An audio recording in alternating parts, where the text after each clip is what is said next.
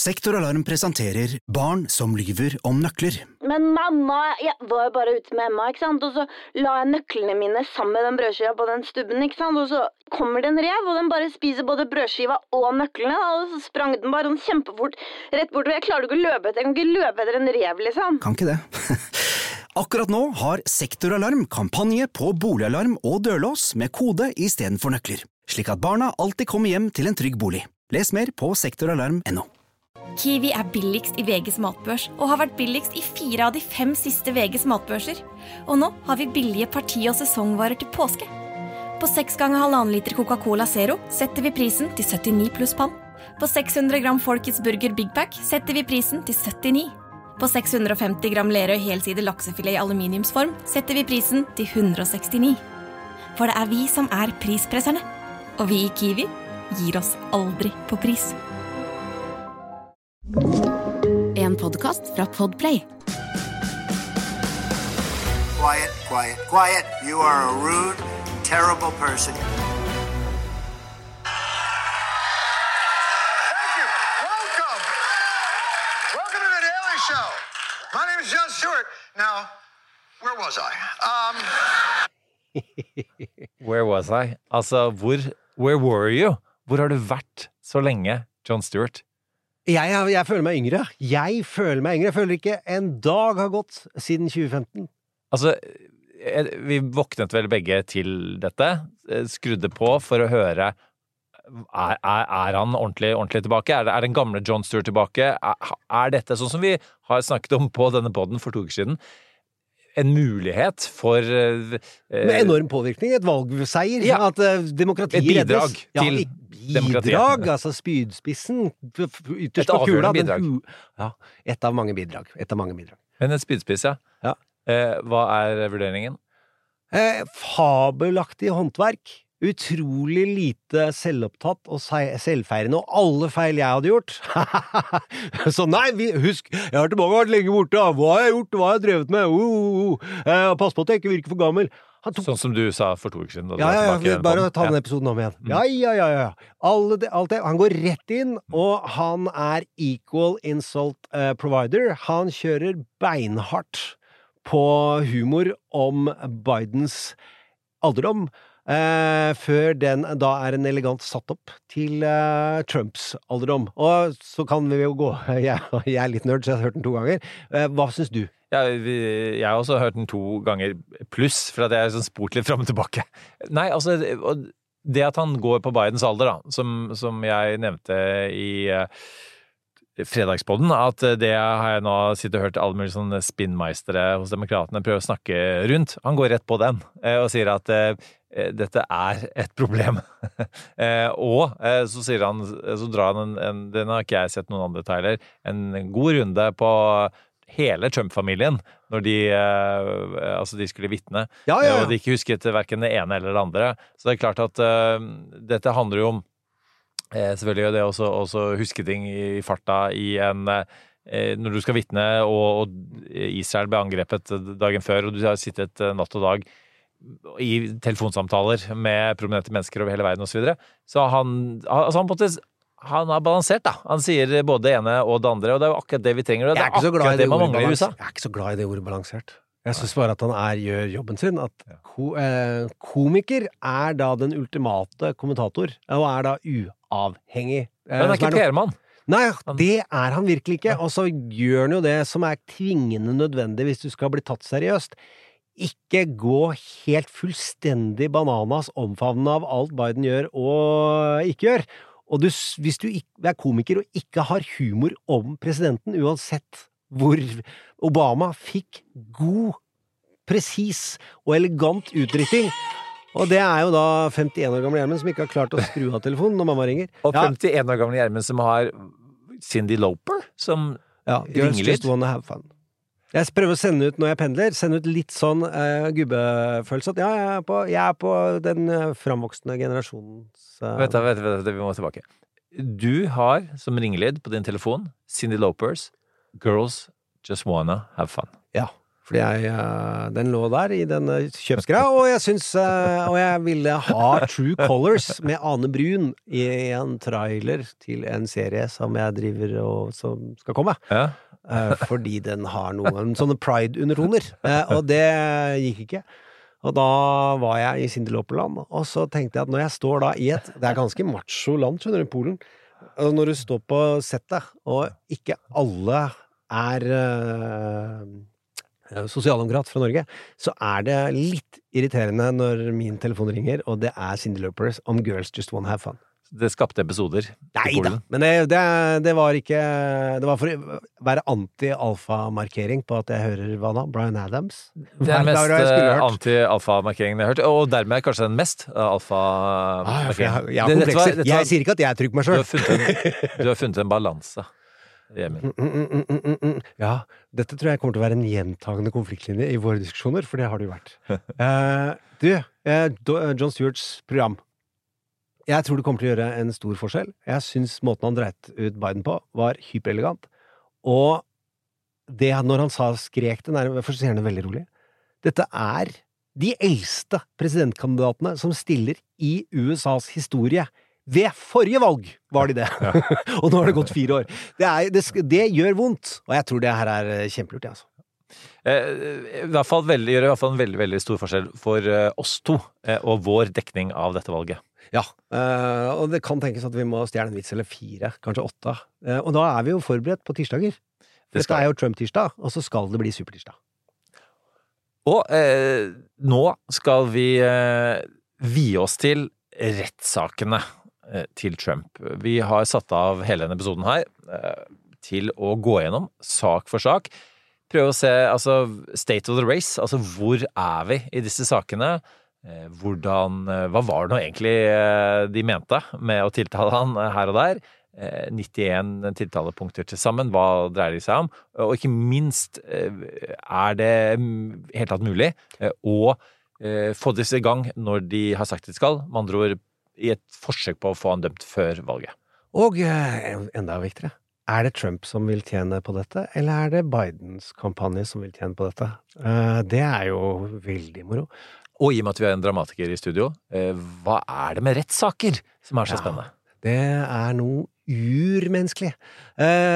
Du tok juss uten å levere eksamener, du òg? Fem år?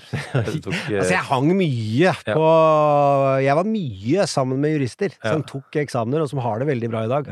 Så jeg føler at det, jeg behandler deres uh, kunnskapsfelt sånn som de behandler mitt. Nemlig ja, jeg har lest Ibsen, jeg har sett en, uh, en Hamsun-bok i hylla.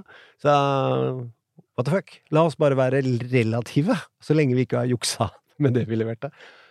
Hva er ditt eh, første sånne TV-serieminne om juss? Det er LA Law. Og det er det vi må.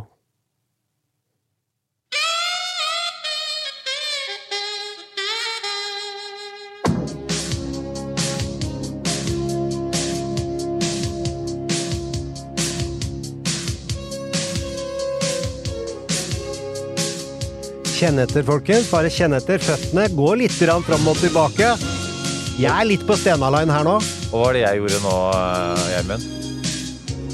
Tok du White Man Overbite? Jeg gjorde det. Ja. Jeg tok White Man. Den samme som du tar hver gang telefonen ringer med Cindy Lopers uh, Girls Just Wanna Have Fun. Ja. White Man Overbite med litt vugging i hoftene. For å ta referansen her, folkens, så er det When Harry Met Sally, uh, og den glimrende komikeren som jeg husker nesten navnet på, uh, som uh, Billy Crystal. Billy Crystal sitter på en kafé og forklarer hvordan han sjekket opp en eller annen kvinne. Og han gjorde alt han kunne for å sjarmere henne, og han danset med armene over hodet, og når musikken svinger, så kommer det da hos en del av oss hvite menn, biter vi oss i underleppa. Fordi det tror vi er sexy. Og det er noe av det verste som fins å være klar over hvis man har noe selvinnsikt, eller gud veit hva. Eh, og jeg klarer ikke la være å gjøre det heller. Og da er vi i kontakt med dyrene. Og da er jeg på savannen i Afrika, eh, og jeg er ikke løven. Jeg er, jeg er lite råden. Men det svinger eh, av, eh, av eh, altså re- rettssaler og av, av eh, altså denne altså, den, Eller lovfremstillingen av det. Men du har, du har sett deg litt tilbake, Bell. Altså, holder det tidens vann? Nei, de, i- altså, jeg syns ikke de scenene Jeg prøvde å finne sånne best of scenes, uh, og det er klart det er litt satt på spissen, og det fordrer at man har vært inne i lyden av det en stund for å ikke tenke det der var litt stivt. Men det var en av TV-revolusjonens Det var en del TV-revolusjoner, en av de var på 80-tallet, hvor det kom kvalitetsserier som uh, man diskuterte i da kulturelitesjiktet som godt skuespill og godt håndverk. Og LA Law eh, var sammen med spanerne på Hill Street, noe som da sto ut. Så er det viktig å skjønne rettsdrama, hvorfor man må se på det for å forstå hvordan politisk kommunikasjon fungerer i USA, er fordi at det er noe, noe av det mest urmenneskelige fortellingen som finnes. Du har hatt rettssalsdrama siden Hellas-tiden, eh, og tvers igjennom hele middelalderen og opp til nå, så er det å stå i en eh, rettssal eh, og se et menneske som da publikum enten vet er skyldig, skal gå fri, det gjør noe rasende vondt å se at reglene ikke fungerer slik de skal, eller at en uskyldig skal bures inne. Og de følelsene er mennesket programmert til å virkelig ta og kjenne på, som tilbake til Afrika, flokkdyret. Hvis ikke folk respekterer de grunnleggende kontraktene for hvordan samhandling skal fungere, så er det ikke noe vits i å stille opp for hverandre. Og hvis det ikke går an å stille opp for hverandre, vel, da er vi en akkurat passe sterkt eh, enkelt eh, kjøttklump som kommer til å tape for de som ikke har noen skrupler og har trent på å drepe deg med vold eller med alle, mulige midler resten av livet. Så denne frykten vi har for at rettferdigheten ikke skal skje, eller at spillereglene, det er rettsdramas hovedbensin. Og så er det Og det kan jeg bare skyte inn her, eh, mens du trekker pusten, eh, Gjermund, eh, at altså, med lov skal landet bygges, som Magnus Lagabøter sa i sin tid. Det er, det er et Lagabøter-jubileum i år? Kjempejubileum. Vi er nødt til å, det er vi nødt til å feire på et eller annet vis. Ja. sk- Skli inn i Trump-tirsdag. Ikke sant? Og, og, for ikke snakke om den norske tittelen til LLO, altså Lov og rett i LA. Det er jo veldig bokstavelig. Og det er jo på en måte Altså, lov og rett var vel Altså, var vi Loven kom jo før demokratiet eh, og parlamentarismen og den type ting. Så det er på en måte den derre med også en, en, en, en fair, rettferdig avgjørelse på hva som er riktig og galt, er jo noe som har vært med oss eh, lenge. Man, må, man, måtte ha, eh, man måtte ha lover for å Selv når man hadde eneveldige herskere som kunne knipse med fingrene og noen drepte. For det, er veldig vanskelig å være der hele tiden, å være på. Eh, og det er utrolig vanskelig å få folk til å oppføre seg hvis det ikke er noe forutsigbarhet i atferden du ønsker. Og det er en konsekvens for negativ atferd. Og så, eh, det rakk jeg for meg på mine eh, kortveie jusstudier, at disse syv rettskildefaktorene, eh, så er jo loven en av de. Det er jo den viktigste, ja, men det, loven skal tolkes, og det skal tolkes i uh, ulike samfunnskontekster, og ordene skal tolkes, og så skal det være uh, og så skal det jo fremføres da, eh, i, i en rettssal, gjerne, i, hvert fall når det er retts, havnet i, i retten. Eh, Og da, da er det litt viktig hva disse advokatene sier, eh, hvordan de presterer, hvordan de formulerer osv. Det er jo rettssalsprosedyren som er kjernen i disse rettssalsdramaene, er det ikke Å det? nei, å nei, nei, nei, det begynner lenge før. Det er jo det. Altså, det er dette, den kommunikative siden av hvordan juss fungerer i USA. Altså det politiske starter jo lenge før dommeren banker og folk sitter der. Det er jo hvordan du opptrer fra noen som helst skal tiltales, eller noen skal forsvares. Så er advokatens evne til å forme Hold dere fast, dere som ikke liker kommunikasjonsuttrykk. Narrativ, altså det å eie og definere narrativet for den rettssaken, er et av de viktigste retoriske våpnene du har, som ikke er bestemt av helt objektive ting som fins det kjempeugjendrivelige bevis. Da er du kjørt, da. Bortsett fra at vi har sett tilfeller av det. Det går an å jobbe mot det òg.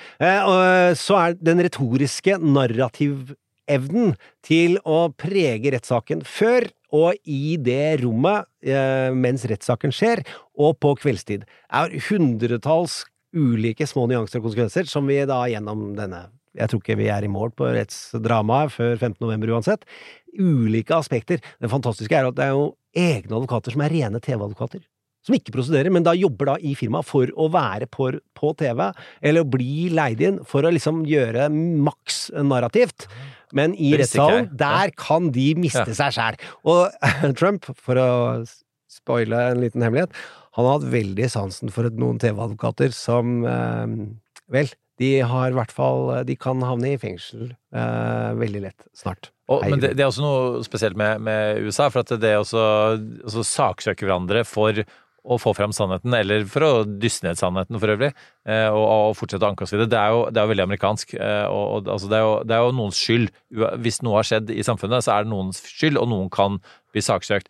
Eh, Trump har jo Det har vært Trumps metode i alle år. Trump har jo egentlig bodd i retten helt siden han begynte som, eh, 3500 saker er rundt regna opp fra minnet mitt. Det er helt vilt hvor mange rettssaker han har vært i.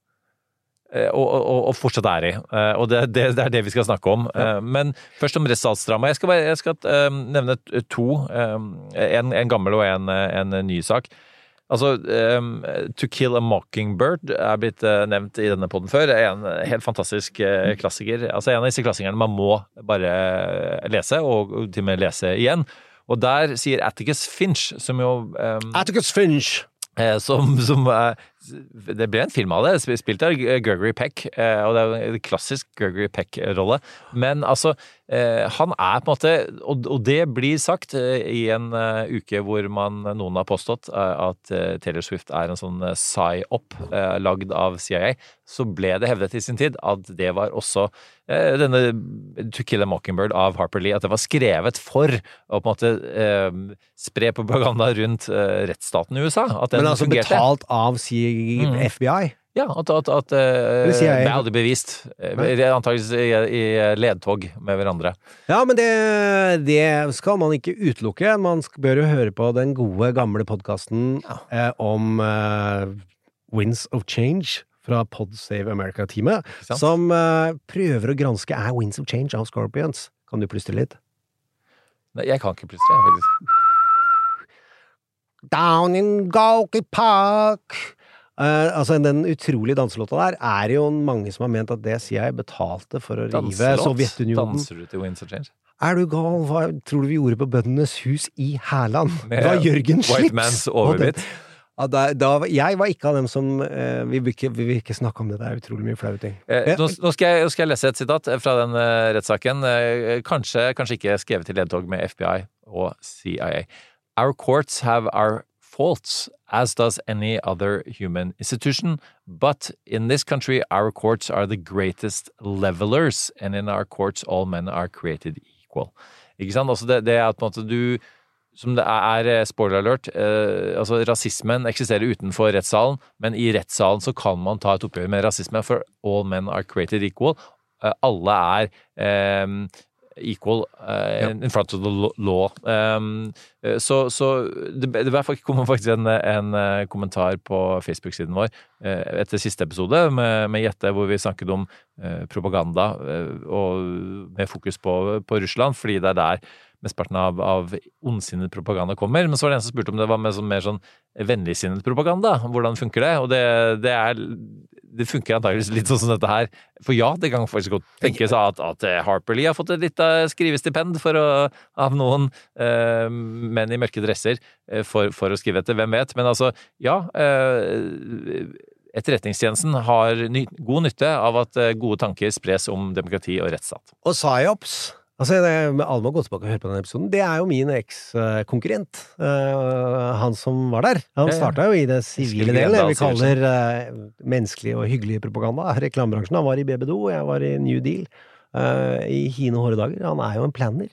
Han starter jo i min bakgrunn, og så har han rett og slett solgt seg til de som har våpen. Jeg syns jo det er litt Og det trenger man. Ja, men det er lett å være på lag med de som har våpen, da.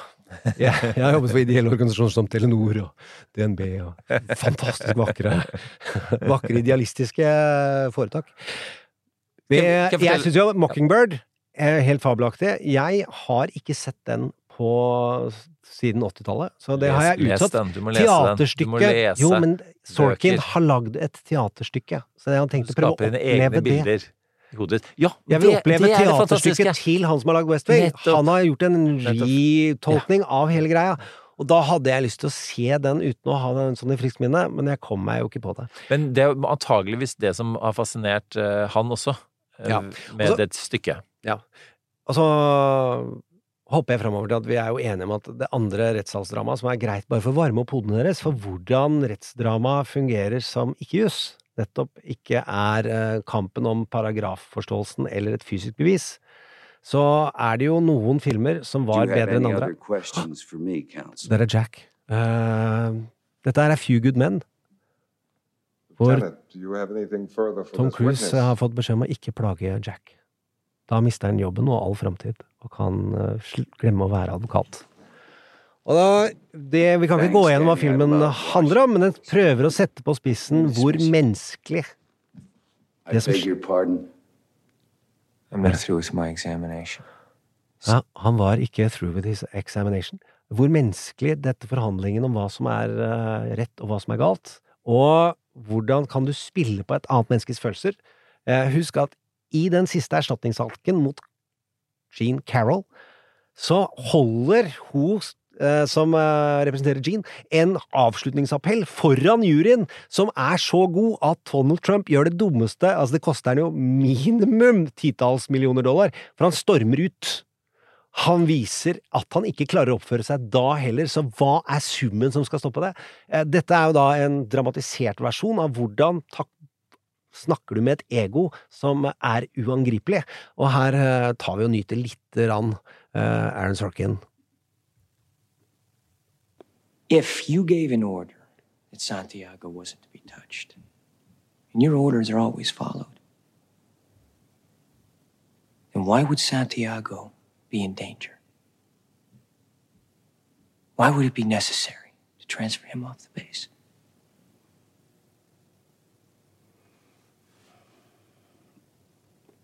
Santiago was a substandard Marine. He was being That's transferred. not what you said. You said he was being transferred because he was in grave danger. That's correct. You but I- said he was in danger. I said grave danger. You said, is I there any recall other... what I I said. I can have the court reporter read back to you. I know what I said. I don't have to have it read back to me like I'm. Why the two orders? Colonel? Viktig å pirke i forfengelighet. Sometimes men take matters into their own hands. No, sir. You made it clear just a moment ago that your men never take matters in their own hands. Your men follow orders or people die. So Santiago shouldn't have been in any danger at all, should he have, Colonel? You snotty little bastard. Your Honor, I'd like to ask for a recess. I'd like an answer to the question, Judge.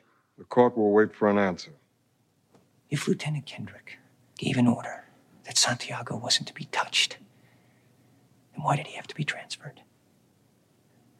Colonel, Lieutenant Kendrick ordered the code red, didn't he? Because that's what you told Lieutenant Kendrick to do. Object! And when it went bad, you cut Counsel. these guys loose! Your Honor, you had Counsel, I'll markets inside in a bony contempt. transport. Your Honor. you doctored the logbook. Damn it, Captain! You coerced the doctor. Consider Now yourself in asking you, contempt. Colonel Jessup, did you order the code red? You don't have to answer that question. I'll answer the question. You want answers? I think I'm entitled. You want answers? I want the truth! You can't handle the truth. Og det, det som er noe av det fine med dette her, i tillegg til helt fantastisk skuespill av begge to Så deilig å høre Tom Cruise altså på et sånn der eh, rolig nivå. Og så det spennet til, eh, til hvordan det kulminerer. Jeg ser ti Tom Cruise-filmer i året, så det, jeg, har, jeg har spennet hans alltid. Og jeg prøver virkelig hardt å mislike den, for jeg syns Scientologikirken er faen meg ett knepp unna QAnon-bevegelsen. Og på et annet tidspunkt så- så kommer du til å hoppe opp på dette bordet også, som Tom Cruise Det, altså, det er en av de eh, få tingene jeg ikke har imot den. kan. Ja. Der, der prøvde den bare å være helt vanlig morsom, Mm. og så er det at noen typer stjerner på høyt nok nivå mm, kan ikke hoppe i sofa. Da er du mentalt eh, ødelagt. Hvor var du? Jeg, jeg var eh, i klientforholdet mellom eh, Donald Trump og hans advokater. For at det, det er jo You don't have to answer the question. Altså, jeg, det er jo en, en stadig kamp, fordi Trump trives jo i retten. Eh, Trump vil jo gjerne Han føler at han behersker retten. Eh, Han eh, liker eh, å, å prosedere saken sin. Han liker å, å være på, på TV, som vi vet, og han bruker jo nå det skal vi komme tilbake til, retten som, som mer et sånn politisk verksted enn et juridisk verksted. Men altså, det, jeg tipper at det er en, en, en evig kamp om å unngå at Trump sier sånne ting som you can't uh, You want the truth, you can't handle the truth. Ja. Det Eh, skal vi om Trump klarer å handle the truth, da. Ja, og for å starte, vi eh, diskuterte i hvilken rekkefølge vi tar det, og du eh, hadde rett. hva the du hadde rett. Det var kronologisk. Eh, og for å ta en advokat som eh, passer seg litt, grann, eh, The Devil's Advocate, eh, for å ta oss til New York, så kan man jo høre hvordan Keanu Reeves jobbet som rettferdighetens forsvarer. Og det er ikke det som er jobben din som advokat, bare så vi har det. Ladies and gentlemen of the jury, I know you've spent all morning listening to Mr. Broigo talk. I know you're hungry. What I need to tell you won't take very long at all. I don't like Alexander Cullen. I don't think he's a nice person. Det er hans klient. I don't expect you to like him. He's been a terrible husband to all three of his wives. He's been a destructive force in the lives of his stepchildren. He's cheated the city, his partners, his employees. He's paid hundreds and thousands of dollars in penalties and fines over the years. I don't like him. Det er en fiktiv karakter, det er ikke Trump. I'm going to tell you some things during the course of this trial that are going to make you like him even less. But this isn't a popularity contest. And the single most important provable fact of this proceeding is that Alexander Cullen was somewhere else when these horrible crimes took place. Now, the state the state's going all out here.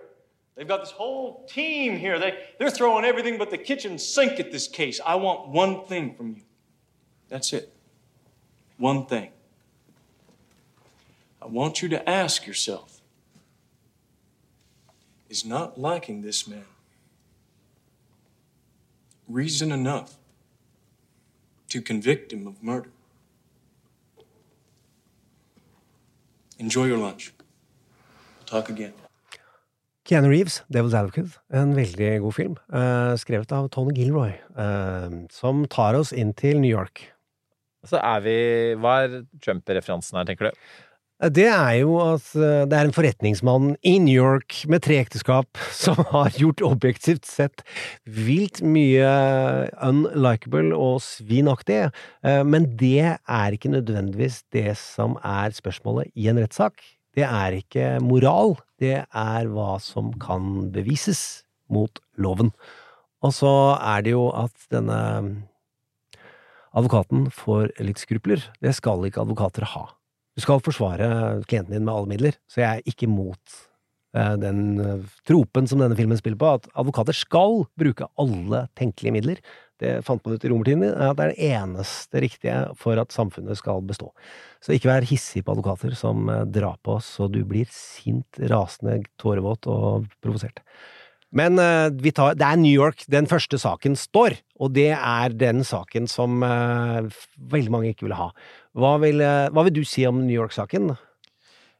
Altså, eh, eh, og, og da, eh, da tenker du på den eh, eh, Altså forretningsførsel i New York? Dette er forretnings... Dette er eh, Stormy Daniels. Dette er The Juicy. Dette er forsidesaken. Her er hush money eh, sammen med forretningsførsel, fordi at det er jo uh... Ja, for det er, det er jo ikke Hush Money som er Det er litt forbudt på noen måter, men det er jo forretningsførselen som er Ikke sant? For det, for det moralske svikten her, da, hvis man skal bruke Djevelens advokat-plottet, er jo at han lå med en eh, pornoskuespiller. Eh, Mens eh, kona Melania hadde et eh, lite barn hjemme. Men det er ikke ulovlig. Det ulovlige er at han betalte henne hysjpenger, heller ikke ulovlig for øvrig, men at han forkledde det som et valgkamp administrativ kostnad. Ja. Og øh, han var avvisende til denne hendelsen på et eller annet nivå, slik at han da holdt tilbake informasjon som velgerne skulle hatt før valget. Og det er der denne statsadvokaten, som er en eh, liten legende i deler av svarte New York eh, Alvin Bragg. Alvin Bragg eh, går ganske høyt opp for å gjøre noe moralsk Gjøre det større enn at det handler om å holde kjeft om en pornomodell. Han holdt denne hemmeligheten tilbake, og dermed påvirket et demokratisk valg. Og så får vi se om de tingene står seg eller ikke. Alvin øh, mener jo det, og Alvin er en øh, har jeg jo lest meg opp på tidligere, men jeg måtte friske opp. Han er jobba for Elliot Spitzer, er, Nå snakker vi om TV-serie og filmkvalitet på statsadvokat. Uh, Elliot Spitzer var en av de moralsk flotteste statsadvokatene New York jeg har fått med meg, i hvert fall. Og slåss med Wall Street, hvordan de lurte folk for penger, og ble dundrende tatt som en notorisk horekunde. Uh, men han kødda ikke med penger, men han var notorisk horekunde på alle mulige feil måter, og var det vel i to runder og fikk en egen film mot seg. Der jobba Bragg til å begynne med, og så har Bragg da vokst seg opp gjennom demokratisk politikk og statsadvokat og juridiske tjenester til New York, til å ta stille til valg som en av de største statsadvokatjobbene i New York. Eh, og der eh, gjør han det rundt en sak som heter eh, Garner. Husker du fornavnet på han? Nei. det, er, det er en svart som blir drept, som ikke er Floyd-saken, den som var Ja. i New York før det, en som blir kvert og kvert og Ja, til han dør riktig. med alle video. Der gikk han til Eric Garner. Ja, Eric Garner er. Eh, der gikk han til rettssak mot staten New York, Uh, og gjorde seg til en talsmann for uh, de første, første hovedskrittene i Black Lives Matter Movement, og gikk jo da til valg på at han skulle rydde opp i det som var imot, altså justice reform, eh, altså mot Donalds politikk. Og så kommer han, og så får han eh, jobben. Og så går det tre dager, og han fjerner eh, forfølgelse, altså ulovlig visitering. Eh, Han fjerner at du blir, havner i fengsel hvis du selger kroppen din for penger. Og han fjerner cannabisfengsling av svarte, for det er stort sett svarte som blir arrestert for narko, mens hvite slipper unna. Og så sier de ja, men det er Trump-greiene, skal du ikke ta det? Nei, det ville han ikke ta i, som var den store forretningsvurderinga at han jukser med eh, hva, hva eiendommen er verdt i, til forsikringsselskapet. Veldig, veldig, veldig lite. Eh, for da skal ikke betale så mye forsikring. Og så sier han til banken eiendommen har vært veldig, veldig, veldig, veldig mye, for det trenger å låne penger. Og det er jo veldig ulovlig i Norge, og veldig ulovlig i New York, egentlig. Men det er sinnssykt vanskelig fin forretningsjuss eh, å ta på. Og så lekkes det masse dritt fra de møtene om at han ser for mye på klokka, at han sjekker mobilen, at han ikke følger med, han virker ikke interessert i Trump. Og så kommer han med den saken her, og sier jeg tar heller og eh, tar en rettssak mot Trump som jeg er sikker på at vinner, og som hjelper demokratiet, der har du det moralske aspektet, enn å stå fast eh, og gjøre han til en enda større martyr i denne byen. Og det er jo det som har gjort at folk har trekket paralleller til eh, Al Capone, som da Da han endelig ble tatt, så var det en liten sånn eh, skattesak. Og ikke det at han var en av de verste kriminelle som USA noen gang har sett, men det er jo da Al Capone var det. ja, ikke sant. Det, det er på Al Capone. Um, og, og, og så var det selvfølgelig mange som ikke var tilfreds med at eh, at det var denne saken man skulle ta han på, og, og hva med alt det andre? Men så var spørsmålet tilbake var jo at eh, ja, altså hvis vi skal ta han på noe, da, eh, skal vi ikke bare Hvis dette er det noe, eh, la oss gjøre det. Og denne saken var den, er altså den første kriminelle mm, tiltalen mot Trump. Den kom i mars i fjor, og den er satt opp for å eh, gå i retten eh, i mars i år. 25. 25. mars. 25. Eh, Og det som er interessant med den her, det er jo flere det kommer tilbake til, som har eh, rykende revolvere. Og den rykende revolveren i denne saken er jo Michael Cohen, som er Trump-fikseren eh, og personadvokat, som rett og slett da eh, snudde seg mot Trump etter å ha tjent han last og brast eh, i så mange år. Eh, Helt og- vilt. Ja, og, altså- og du reiste seg på TV ved å måtte forsvare de rareste, dummeste ting. Eh, og da eh, Han røyk som TV-advokat, da, for det skjønte Trump at der funker han ikke. Men altså, det, det at han altså den, En av mange tabber hos Trump var jo på en måte å ikke sikre seg eh, lojaliteten til Michael, Michael Cohen. Ja, men det er uh, Everything Trump Touches Dies eh, er en kjent bok, eh, som vi sikkert kommer til å referere til flere ganger, eh, som ble skrevet før valget i 2016, og som har bevist seg om igjen og om igjen. Det, med Michael Cohen, han lærte jo da også bredere utenfor hardcore hva er de beste thrillerne i verdenshistorien, menneskene, hva en fikser er. At det fins en type advokat som ikke går i rettssaler, eh, og ikke driver og driver, skyver papirer opp og ned, eh, eller forhandler, men bare tar av seg det mellomrettslige, som eh, en eh, kalte det. Eh, mellomrettslige. Han jobber i veldig tung forretningsjus, men driver da mye med relasjonsbygging. og det er også å true folk med at jeg kommer til å begrave deg i juridiske utgifter resten av ditt liv, hvis ikke du slutter å sende regning til Donald Trump. For det er, han har gjort helt vilt ubehagelige ting, Michael Cohen, som han angrer på. Og Fixer, det er Michael Clayton, heter den filmen, og er en av de to beste thrillerne etter år 2000. Enig. Og er eh, den er skrevet skrevet av Tony Gilroy, han som da skrev Devil's Advocate. Og da lærte han om at det finnes noe som heter uh, Fixer. Og så tenkte han, der er en film. Og det var første manuset han sa, det har jeg lyst til å regissere, og han fikk med seg fire Oscar-vinnende regissører som koprodusenter. Såpass tru hadde de på han. Eh, Og George Clooney i en fabelaktig rolle. Ses årlig. Må ses årlig av alle. Eh, tilbake til fikseren, Michael Cohen. Doug Stamper i House of Cards også er jo en type Han er jo ikke advokat, men han er også en type sånn fikser. Den personen du ringer eh, midt på natta når du har på en måte et, et lik i bagasjerommet, eh, nærmest, og som fikser det. Og eh, Det er faktisk et mareritt jeg har opplevd mange ganger. Eh, Helt sant. I Mysen så har jeg kjører jeg av veien, eh, og så er jo det forferdelig ille, eh, fordi jeg har jo ikke lov til å kjøre bil lenger. For jeg har en sånn synsendring som gjør at jeg ikke skal kjøre bil. Og da, det dømmes som fyllekjøring. Skikkelig, altså. Der er norsk lov veldig lur. Eh, kan du ikke se, skal du ikke kjøre bil. Og så ramler jeg ut, og så er det elva, og så tenker jeg fy faen, skal jeg klare hjemme her? Altså, så bare går det bagasjelokket opp, og der er det et lik, og da husker jeg hva, i helvete? Den følelsen har jeg mange ganger. Og så har jeg da bedre statsadvokatvenner enn jeg føler jeg har forsvarsadvokatvenner. Så jeg har ingen å ringe. Jeg kan ikke ringe dem, de jobber for politiet. Det er like greit for rettferdigheten på Mysen. Men um, altså, eh, altså Det han eh, innrømmer, er jo at han har betalt disse pengene her, og han ikke Det får jo konsekvenser for han. Han må i fengsel for dette. Så det, altså Han gikk i fengsel, han satt lenge. Ikke sant? Og, og, og, og poenget er at um, altså på en måte, så en, en rettssal har allerede funnet ut at dette er straffbart, eh, og har dømt en fyr for det. Så blir jo spørsmålet på en måte hvorfor skal man da ikke dømme den tidligere presidenten for det? Er, er det ikke likhet for loven?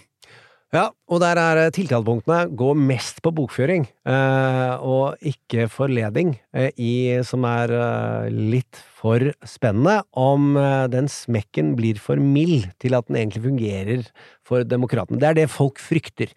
Jeg tror Alvin Bragg har tenkt helt riktig, og tenkt i forhold til et narrativ. Altså hvis du skal ha tre sauer, og de skal til en seter, og det er en bru, og under der så er det noe helvete. Hva skal gå over brua først? Er det den superviktigste saken? Eller er det den som drar i gang følelsen at er, han prøver, han er jo kriminell, han gjør det der, og han gjør det der. Det tror jeg, jeg tror han var godt belest på Bukkene Bruse, uh, og derfor tenkte narrativ, greit, vi må begynne et sted, og så skal vi vokse derfra. Og det, så har han jo hatt riktig policy hele tiden, og sagt, kommer en av de store viktige, og de må starte, så for all del, da er jeg for å ta pause, jeg tar pause. Eh, men eh, The Wheels of Time, klokking, eh, de går for sakte. Og de mest skeptiske tenker at dette er nok den eneste saken som vil kunne bli avgjort før valget.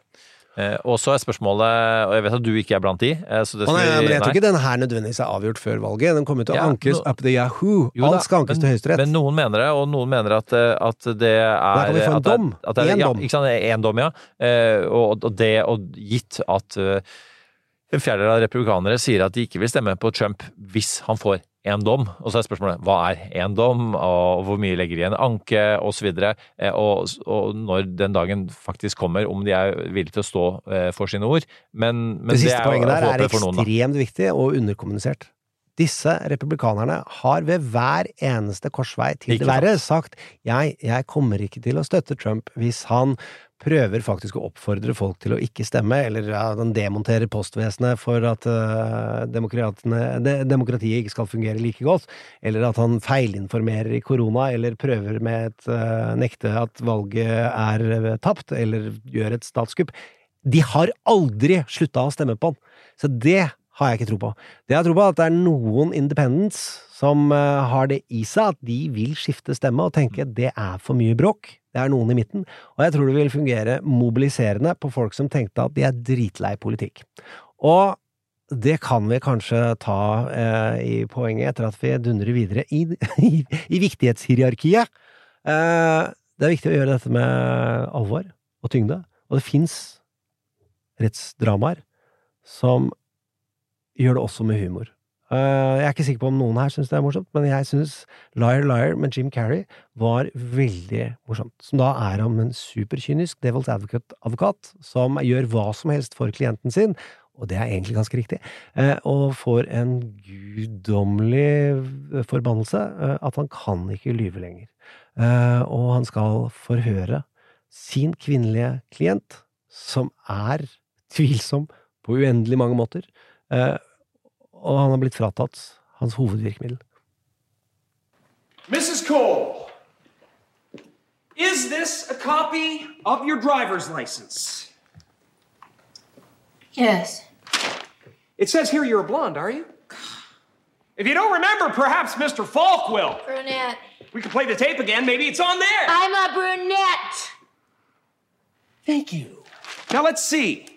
Weight 105? Yeah, in your bra. Your Honor, I object. You would! Bastard! Hey! Quiet! Overruled. Wait.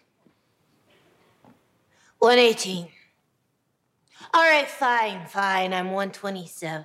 Uh huh. And it says here you were born in 1964, but that's not true either, is it? Is it? No.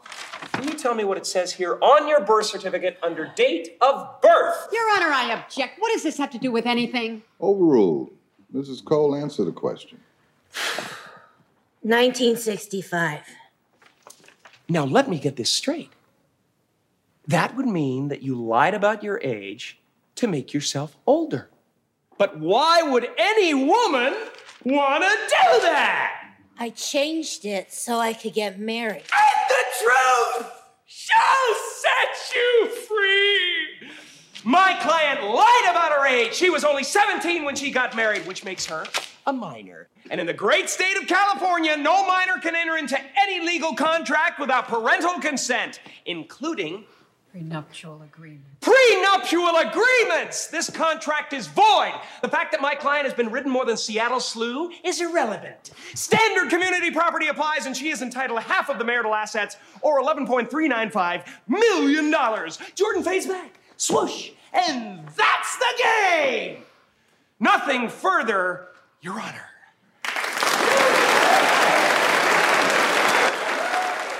For å ta eh, Jeg er jo lykkelig gift, og noe av ekteskapet er bygd på en løgn. Min kjære, som da løy om at hun faktisk likte meg eh, noe spesielt godt altfor lenge, syns jeg.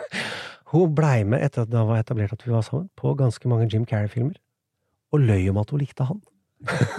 og det er kjærlighet. Jeg syns han er veldig morsom. Hva syns du? Jeg, har- faktisk ikke sett denne filmen her. Men altså um, Den har humor for fireåringer og 44-åringer og 84-åringer. Altså um, Ace Ventura uh, Noe av det barnsligste og ja. med, altså noe flaueste å innrømme og tenke okay. at herregud, for noen scener. Det er umulig. Det er jo ti scener jeg ikke klarer å la være å tenke på. Så han har Han er Han får det til.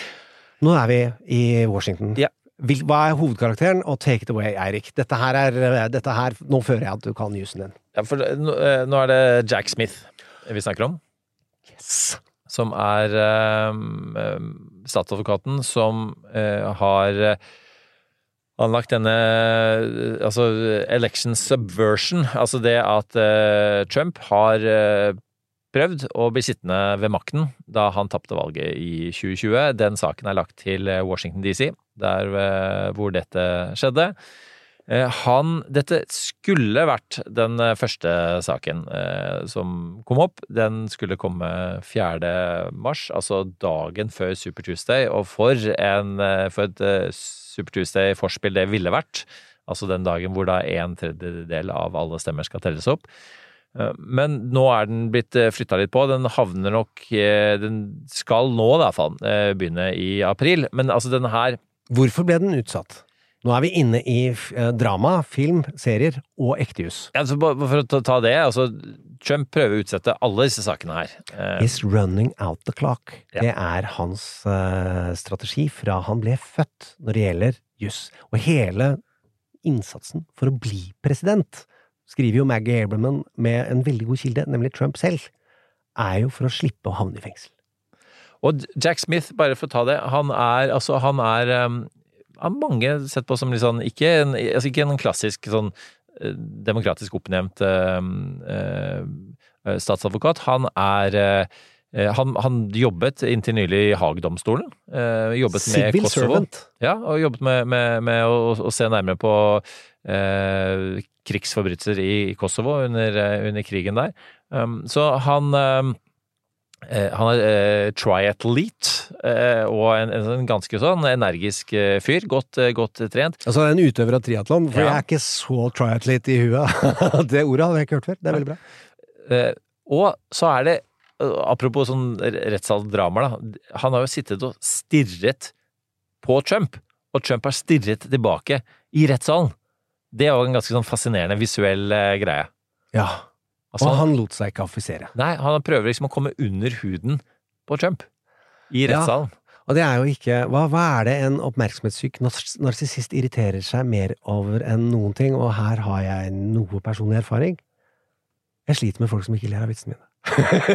altså helt notorisk, jeg kan bli ganske spratt. Uh, Trump har jo ikke den uh, endimensjonalt fokuset på å være morsom, han vil jo også være ond og vinne med makt. Men han, nei, han er, lar seg ikke affisere. Husker du, uh, etter den rettssaken så går han da accidentally, PR-messig, og tar en helt vanlig trikk og spiser en sandwich på T-banen. Jeg vet ikke om han gjør det hver dag, men det var et svært mediekobbel som fikk med seg at han er uaffisert. Sektoralarm presenterer Barn som lyver om nøkler. Men mamma, jeg var jo bare ute med Emma, ikke sant? og så la jeg nøklene mine sammen med den brødskiva på den stubben, ikke sant? og så kommer det en rev, og den bare spiser både brødskiva og nøklene, og så sprang den bare sånn kjempefort rett bortover. Jeg klarer ikke å løpe etter, jeg kan ikke løpe etter en rev, liksom. Kan ikke det. Akkurat nå har Sektoralarm kampanje på boligalarm og dørlås med kode istedenfor nøkler, slik at barna alltid kommer hjem til en trygg bolig. Les mer på sektoralarm.no. Altså dette, den rettssaken her er jo også øh, fascinerende ved at øh, altså hele det, øh, tiltalen er jo som å lese en krimroman. Altså den er skrevet så spennende, og, og hvordan måtte man disse ulike aktørene og i, god tid før valget legge til rette for, og under og etter valget, og rett og slett å, å stjele valget. Altså det er en heist-historie, hele greia. Ja. Og, det, og den, kan- du kan, man kan høre den også på, um, på lyd. Det er lest av en skuespiller. Vi legger ut lenker på alle Facebook-sider som eh, vi har noe som helst mulighet til å kontrollere. Eh, og, og, og, men det å bare også lese den er ganske fascinerende i seg selv. Og så er jo denne den viktigste, vil jeg si, av alle rettssakene. Fordi det tross alt Det å stjele et valg, som jo er Vi skal komme tilbake til det også, som er no, eh, altså når, Trump sier at eh, en eh, president skal være immun, og det er, det er jo en annen, annen eh, sak som pågår nå, om han har immunitet eller ikke, som eh, Som er en del av denne. Ja, som Hø- Høyesterett skal se nærmere på eh, nå, men eh, som handler om at ok, så hvis han er immun, da, hvis han har lov til å gjøre hva han vil som president, så har han også lov til å stjele et valg. Som andre ord. Så, eh, og, og, og- han, har lov til å på en måte ta livet av politiske motstandere. Som den ene Appeals Court-dommeren sa in the, jeg tror det er Ninth Circuit. Uh, vil du da si at han kan leie Navy Seal 6 til å skyte og henrette politiske motstandere uten å måtte tiltales det etterpå? Og så begynte kjatremaskinen av Trumps advokat, som ikke er helt hakkande gæren, men han gjorde noe som da ikke er vanlig da, eh, prate i vei, og så er det nei, det er et ja-nei-spørsmål. Og det trodde jeg at var en retorisk TV-figur, eh, veldig ofte, for det, sømmer seg å sette seg i dilemmaer. Men det er ikke det, det er en rettstradisjon i USA hvor dommere sier nå skal jeg ha et ja eller nei, og da skal du si ja eller nei, for ellers så provoserer du dommerens eh, følelse av hvem er det som bestemmer i denne rettssalen. Og, sier, og han svarer ikke Han svarer dessverre også at ja, det kan han, mellom linjene, fordi han skulle jo ikke kunne tiltales for det. Og en, en, eh, den rykende revolveren her, da, eh, kan være eh, Mark Meadows, som jo er, var stabssjefen til Trump. Det var akkurat en New York Magazine-sak på at han han skal ha fått immunitet, eh, og han eh, har da latt seg avhøre nylig i fem timer om hva som skjedde eh, rundt Ja, ikke minst måte da eh, 6. januar og stormingen skjedde, og hvor, hvor Trump satt i tre og en halv time og ikke gjorde noe. Og hvorfor gjorde han ikke det? Og hvor aktiv rolle spilte han i det som da mange mener er et, et forsøk på, på et statskupp. Det går jo også inn i denne saken her nå. Eh, og, og, og Meadows sitt eh, vitneavhør er jo potensielt det mest ødeleggende for Trump i alle disse rettssakene. Ja, eh, det Jeg mener jo Georgia er på lik linje, og særlig siden det er delstatlig, og da han kan ikke engang frikjenne seg selv. Så der det være, er det en annen del av livet hans som står på spill, det han ikke får benådet seg vekk fra. Skal vi hoppe dit? til Nei, Georgia? nei, nei, vi skal ikke hoppe til Georgia, er du gæren. Men eh, Mark Meadows, det blir utrolig spennende hvor langt all in han går. Eh, Fordi han holdt igjen lenge. Han har blitt dratt etter håret og tuppa i ræva hele veien og holdt kjeft altfor lenge. Og det er med bok og holdt kjeft. ja, altså holdt kjeft helt til han ga det ut i bok. Og så er det med Det er jo rettslige sanksjoner som Kongressen kan gjøre for mennesker som ikke er sittende presidenter. At du må komme hit og fortelle det du vet. Han, han har klart også både å skrive bok og samtidig holde kjeft over så mange sider. Og det har vært så mange vitner som har sittet ved siden av han, hva han har sagt og gjort, er det folk som har fortalt. Så han vil jo få vitner som vitner mot han, og dermed så enten så ryker han også i fengsel, eller så må han fortelle sannhet. Og Cassidy Hutchinson, eh, hans uh... Cowboyvenninne som red sammen med William Tell og Billy the Kid. Nei, hun høres bare sånn ut. Ta hun- det navnet en gang til. Cassidy Hutchinson. Hvis jeg får en datter, noe som er veldig vanskelig å se for seg, så syns jeg Cassidy skal hete, altså. Hun var altså en assistent eh, av eh, Mark Meadows som eh, ikke bare har også har skrevet bok, hvor hun har vært med sannferdig, men hun vitnet også i riksrettssaken om dette. Og, og det var hun som sa at Trump blant annet heiv seg over rattet til Secret Service-sjåføren og prøvde å vrenge bilen opp til Capitol Hill, for han ville gjerne være med på denne kongressstormingen. Jeg tror vi må slenge til den karaktertegnende detaljen at han også tok kvelertak. Også tok kvelertak på personen. Og det var etter hennes vitneavhør jeg skrev på Twitter Trump.er.ferdig. Fordi jeg trodde det. Jeg trodde at uh, en Altså, hun er uh, ung, tillitvekkende, uh, sa det sjefen ikke turte å si, snakket makta midt imot, eh, og gitt at det er ingen som har, bevist at dette ikke skjedde, eh, gitt at dette faktisk skjedde, så har det noe å si. Eh, og foreløpig har jeg blitt eh, bevist feil. Nei, Nei, har det, ikke hatt vil jeg ikke si. Til Ja. genetisk eh, så har hun store evner. Hun har litt sånn der Drew Barrymore-stemme, Ja. konstant Jeg lurer på nå hvordan hun snakker når hun er lykkelig. 28 år gammel. Ja, og er sånn Dette er Jeg er moralsk forarget, og er en eh, klok av skade, og jeg, meg burde du ikke gjøre noe annet enn å høre på og tro på et ekstremt troverdig vitne. Så eh, jeg er jo enig i at eh, den dagen var han heller ikke ferdig. Men herregud, hvor viktig 6. januar-høringene, ledet av Dick Cheneys nå Altså, i hvert fall 20 cm høyt elskede datter her i Norge, blant oss som er litt Cheney-kritisk for eh, en Irak-krig eller to.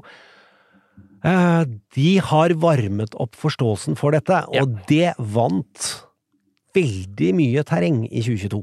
Eh, rent sånn mellomvalgsmessig. Og har prepared the ground for Mr. Smith. Ja, og de, og de har jo også på en måte eh, Altså en rekke mennesker som vitnet i den saken, som også da eh, vitner i, eh, i denne saken her, og, og veldig mye research er blitt gjort, mye bakgrunnsinformasjon er blitt eh, hentet inn, så denne er jo en sak man har holdt på med veldig Altså, han begynte med den med en gang etter eh, eh, 6. januar, og han har holdt på med den veldig, veldig lenge, men som, som vi vet, det, det er jo et større lerret å bleke enn denne hysj-pengesaken. Jeg har jo i et langt liv gjort mye research på jurister. Uh, som uh, menneske. Uh, og Aber. Bergen var jo også et krimdrama du ja, det, er mye om, det er eh, basert på en Og rettssalsdrama. Ja, men det er, noen av de beste vennene jeg har her i verden, som jeg reiser veldig mye på ferie sammen med. Og de har barn, og vi har barn, og sånn har det vært. Og så har jeg egentlig hengt sammen med dem si- Eller han igjen, siden Hva da? 89? Nyttårsaften? Hvert år. Han er veldig juss i huet. eh, Og veldig sånn Trodde at han ville bli forsvarsadvokat. For han, blir, han kan forsvare hva som helst, og er et retorisk helt vilt geni. Og det ekteskapet der, de krangler så utrolig velformulert og drepende hele tiden, så jeg og kona føler oss da normale og venner og alt sånt. Så det er veldig deilig. Men det er, så hadde jeg en jævla forferdelig hund som var en sånn portugisisk vannhund. Som trengs å trenes og stimuleres, og det er ikke det letteste når du har eh, tre unger og bor på landet og pendler til Oslo. Så den var litt understimulert. Og det er jo et dyr Jeg er jo blitt ekstremt glad i hund. Nå er jeg jo hundeeier i tillegg. Men den ville jeg ta livet av, for den ødela så mye med ferier og alt sånt. Og jeg ma- maste med den hunden, sa det, det kan vi ikke bare ta livet av. Det er ikke mulig å bare Nå har han, han klarte til og med å spise rottegift, og jeg sa vi ringer ikke dyrlege nå. For jeg var på nyttetur. Og så sier jeg nå holder du kjeft! Gjermund! Jeg orker ikke gnålet ditt! Jeg hater hundeeiere! Jeg hater hunder! Jeg er gift med hundeeier, med hund! og det gjorde jeg til at jeg hater bergensere og Bergen, og jeg er gift med en kvinne fra Bergen som heter Bergen. Så da vant jeg pitchen bare basert på et juristkrangel, Uh, og det ble ikke så Det er lov å se serien, jeg har ikke sett den, det tar vi en annen gang hvorfor, men uh, tilbake til disse statsadvokatene. Jeg elsker den måten å krangle på. Det er veldig Sorkin skrev Jeg er ikke like god som Sorkin, kan ikke sammenlignes, men han kopier, Han sier at han tar musikken ut av de beste dialogene han kan tenke seg. Han tenker veldig mye som en musical, at det er rytme, det er angrep, motangrep, det er avbrytelser, det er små lyder. Og det er disse de skarpskoddeste retorikerne. Og da kommer det en full circle her. Jeg hadde jo ikke møtt Sofie Høgestøl før jeg krangla sånn lett vennlig med henne eh, over en sånn radiomiks sånn som det her, og jeg bare I all verden Og får jo bare på kjeven, på kjeven, på kjeven, magen, magen, magen, nyre, nyre, nyre, bang, tang, tang, med det jævla smilet du har nå. Du snakka om det litt i går, at eh, det er hyggelig at ikke jeg avbryter deg og fullfører setningene, det er fordi jeg er ikke så smart. Men jeg elsker den følelsen så, av uh, intellekt. Også, uh, ikke minst når det gjelder kvinner. Men det er det disse statsadvokatene har, og som jeg blei jo så Jeg skjønte jo da at Sofie hang i det Kommer fra det samme miljø, den gjengen, eh, miljøet, og kan jo diskutere som få andre. Det skal, ok, det kan være irriterende at noen fullfører setningene, men du skal ha ganske skarpt intellekt for å lykkes med å fullføre noen setninger. Du skal være med en liten dose klær clairvoyant. Ja, og grunnen til å bli manusforfatter er eh, den gjengen som kommer på replikkene etterpå! Der er jeg god! og jeg, jeg tenker på replikker fra barneskolen fortsatt, som jeg burde ha sagt. Men nå skal jeg si uh, det mest kontroversielle du har hørt om Aaron Sorkin noen gang. For det du beskriver om han som lytter til rytmene i rettssalen osv., han hevder jo selv i et intervju at det er akkurat det han gjør når det gjelder politikk også. Han sier at 'jeg kan ikke noe om politikk', 'jeg er egentlig ikke så interessert i politikk', 'jeg bare er flink til å fremstille hvor- hvordan politikk høres ut på en troverdig måte'. Og fordi jeg har sagt dette her før, så vet jeg at du er rykende uenig. Jeg er ikke rykende uenig, men uh, Du mener at han jo koketterer litt Det er ikke det- koketterer, det, det er jo et Han- retorisk grep for at verket skal stå alene, slik at du ikke skal tro at han roper inn i øret ditt at kan du ikke være glad i demokrati, da? Kunne du ikke tenke deg at sannhet var viktig? At det og de som holder sannhet, prøver å gjøre så godt de kan og ikke bryter lover, de skal styre landet. Sier nei, jeg bryr meg ikke om politikk, bare se hvordan dette spiller seg ut. Og det er jo like gammelt retorisk triks som Sokrates, som sa at han vet så utrolig lite. At uh, han bare er nødt til å lytte. Og fortelle tilbake til den andre hvordan verden forstås basert på det den sier. Med andre ord jukser ikke i det hele tatt. Eller Platons enorme juks! Nemlig si at han driver ikke med retorikk. Å nei, retorikere, sofister, de er eh, ordelskende juksemakere i dette uredelige spillet om å definere hva som er godt, skjønt og vakkert her i verden. Platon er en jævla god retoriker, og tok livet av ordretorikk i Norge for evig og alltid, tydeligvis, for det er jo en ordhatende nasjon vi lever i. Hva var det du ville Jeg spola av litt. Jeg, jeg ville si at uh, det var akkurat det John Stewart også gjør. Uh, fordi uh, han sier også at jeg driver ikke med politikk, jeg sitter bare bakerst i klasserommet throwing spitballs, og at han er på Comedy Central, som er foran et program med katter. Kattevideoer. Sånn Ikke at- kattevideoer, det er også talking puppets. Altså at det Ja. er katter på hender Ja, stemmer som later er- som de snakker. Ja. Jeg Det husker du bedre enn meg. Jeg har et ADHD-minne. Det si Ja. at det er selektivt, sylskarpt og ubrukelig i veldig mange sammenhenger. Eh, Vi er bare på den andre av fire rettssaker. Ja, Skal vi ta et annet eh, minne, et kort minne fra en annen advokatserie som eh, Jeg regner med at alle som hører, levde på den tiden. Jeg hadde helt glemt, nemlig. Alan McBeal. Der var det folk som spilte, som ikke jeg husket at spilte i den serien. Eh, du huska det? Jeg, jeg husket altså en uh, hode for uh, trivielle ting som Ja, ja, men eh, det ikke skulle er jeg ha viktige. òg. Så er, jeg løy i stad. At jeg har sylskarpt mine. Ikke i det hele tatt. Veldig selektivt, uklart. Uh, Et forstørrelsesglass som er knust mange steder. Og avhengig av vinkel og lys og båndbredde. Uansett, Iron Man, altså Hollywoods mest betalte skuespiller i dag, Robert Downey jr., han var i den serien og spilte en romantic lead som Ally ble forelska i. Og det er mye jeg ikke huska. Det kan vi jo høre her. Oh, again, it was it was uh, it was a great birthday. Oh, can you stay for one more drink? I- I'll sing again. No, no, no, please. I, I really just want to go. Can you can you all just let me go? Oh, okay. What the hell is this? Is this dark?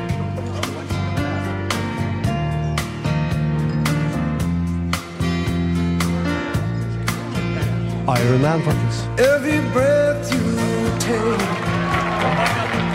every move you make, every bond you break, every step you take, I'll be watching you. Every single day, every word you Så jeg er så jeg begynner å grine, for jeg har sett alvorlig mye på Iron Man de siste 15 åra. Altså, eh, em, Robert Downey jr. spiller jo en fantastisk rolle, fordi, og, og de fikk han jo fordi at han eh, ikke var verdens best betalte skuespiller på den tiden. Ja, verdens minst, eh, benyttede, verdens minst benyttede eh, Oscar-nominerte skuespiller. Han sa for øvrig at eh, om sin narkoavhengighet, det var som å ha en eh, pistol i munnen hele tiden og elske smaken av metall. Han er veldig morsom og er irriterende flink til veldig mye. og litt krevende eh, person, og som jeg unner den Oscaren jeg tror han får, med Oppenheimer. eh, som er et fabelaktig return to form, der han gjør tung, dramatisk rolle uten superkrefter. Og med glimrende amerikansk politisk senatorkarakter. Må ses, folkens, så bare løp og se. Du husker vel Hvilken rettssak vil, vi, vil du til nå? Nei, vi må jo ta den nummer to. Smith havna jo inn i en rettssak nummer to. Han, eh, det er han som følger den eh, som er i Florida òg, er det ikke det? Det, altså, han, han, han ehm, eh, det, altså, han har et overordnet ansvar for det, eh, og så er det jo eh, For det er noe som ble borte i Washington DC. Ja, altså, altså den, den måtte dit fordi at uh, det var der dokumentene befant seg, og man kunne kanskje ha prøvd å tvinge den til å være i, i DC, men det hadde nok ikke føltes rett og rimelig. Uh, men uh, dommeren der er Eileen Cannon. Som er I Florida. I Florida, ikke sant? Og så er spørsmålet er om hvor mye lenger hun er dommer der. Fordi hun har jo velvillig utsatt denne her igjen og igjen og igjen. Og ja, dommere er, er på en måte politisk oppnevnte, men så er det noen som er mer lojale enn andre til eh, eh, Altså mer lojale til eh, den som er oppnevnt eh, de, enn loven. Altså, og det er ikke meningen. Sjekke uh, Hun er i den kategorien. Ja. La oss sjekke bare om, om noen lover og kriminalitet er intuitivt. Så jeg, jeg har lagd en quiz, Eirik. Så i dag stilte jeg litt forberedt. Så jeg skal bare spørre. Uh, Eirik, uh, bare ut fra hva du føler du føler, altså. Eh, selv om du ikke har juss, om du får et papir når du er president, hvem eier det papiret? Det, det, Går du videre? Myndighetene. Ja, om du har, får et askebeger fra dattera til JC, som hun har lagd til deg som president, hvem eier det askebegeret? Mm, yeah, Presidentmuseet ville jeg jo gitt det til. Ja. Eh, Om du får brev fra eh, Nord-Koreas leder, et kjærlighetsbrev ifølge deg selv, eh, mens du er president, hvem eier det brevet? Er det presidentembetet, eller er det Jeg vil også du si MBD. er Nord-Koreas leder fetteidiot, som da ikke er krystallklart sender det til en annen adresse? Og hvis du har eh, snusk på Sarkozy, som uttales Macron for Jeg bomma litt forrige sending, gå tilbake og hør. Biden-øyeblikk. Ja, hvis du har etterretningsinformasjon som USA da samler på alle statsledere, det hadde gjort meg nervøs. Det er mange grunner til at jeg ikke er i politikk. Jeg må ha en lang, lang, lang, lang samtale med virkeligheten. Det er uansett, de samler på dritt, og de har det på Macron. Eh, Det, hvis du får det og har det på på- Er, er det presidentembetet sitt, eller er det ditt, Eirik? Igjen presidentembetet, altså. Hvordan er det denne rettssaken ligger an? Altså, jeg har for øvrig eh, ett eneste dokument fra mine ti år i UD eh, i eh, en kjellerbod. Eh, og det dokumentet er, er da Det er ikke hemmelig. Eller eh, det er en, en pressemelding. Eh, eller BM pre- pressemelding. Og det er eh, Vi følger utviklingen løpende, er tittelen på den. Det, det har beholdt den bare fordi den er så 12. søt. september 2001, eller? Det var ikke noe søt. Det var, det, det, det, Jeg- visste ikke at det var søt. Nei, nei, nei det var, det, eh, men altså det var Det er jo det man alltid sier. Det jeg har trent å si. Altså vi følger utviklingen løpende. Har eh, tett kontakt med partene og ingen umiddelbare planer om konkrete tiltak. Eh, og, men så, så havnet det som tittel på en pressemelding en gang. Um, eh, Judge Shutkin. Ja. Eh, altså, vi er på i Mar-Lago. Eh, Judge eh, Cannon. Jeg, bommer så Ja, ja. fullstendig. ja. Eh, som, som jo har på en måte utsatt og utsatt og utsatt. Denne her ble jo eh, eh, filed charges i juni 2023. Eh, skal egentlig opp eh, mai 20. mai i år. Eh, eh, og i utgangspunktet så, så har eh, Cannon på en måte avvist å dytte den videre, men Offentlig har hun avvist å dytte den videre. Det er det som er greia. Mm. eh, og, så, og, og det er jo på en måte Altså, dette ble, ble, har blitt kalt one of the stupidest crimes imaginable, fordi at eh, Trump, i, i tillegg til å på en måte ha veldig, veldig, veldig mange dokumenter hemmelige eh, hjemme i, på landstedet sitt i Mar-Lago, eh, har hatt de på do så videre. Har prøvd seg masse forklaringer på hvorfor det er en logikk med det, for man kan jo låse en dodør. Eh, Og så har han da ikke samarbeidet med myndighetene når de ville ha eh, disse dokumentene tilbake, og det er den store forskjellen på, på Bidens dokumentbevaring. Han har mange færre, han samarbeidet fra første stund. Han tok selv initiativet til å eh, undersøke og levere er tilbake. Ja. Ja.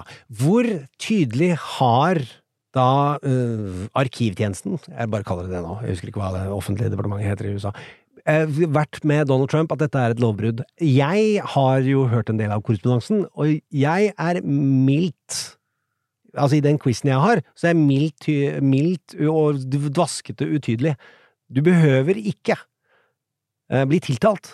For det er kriminelt, det du har gjort, og det er uforsvarbart kriminelt, og det finnes ikke en planet der det ikke er en kriminelt. Kan du være snill å levere tilbake, ellers så kommer det en skandale. Vi kommer til å sende FBI, de kommer til å raide, for dette kan vi ikke ha.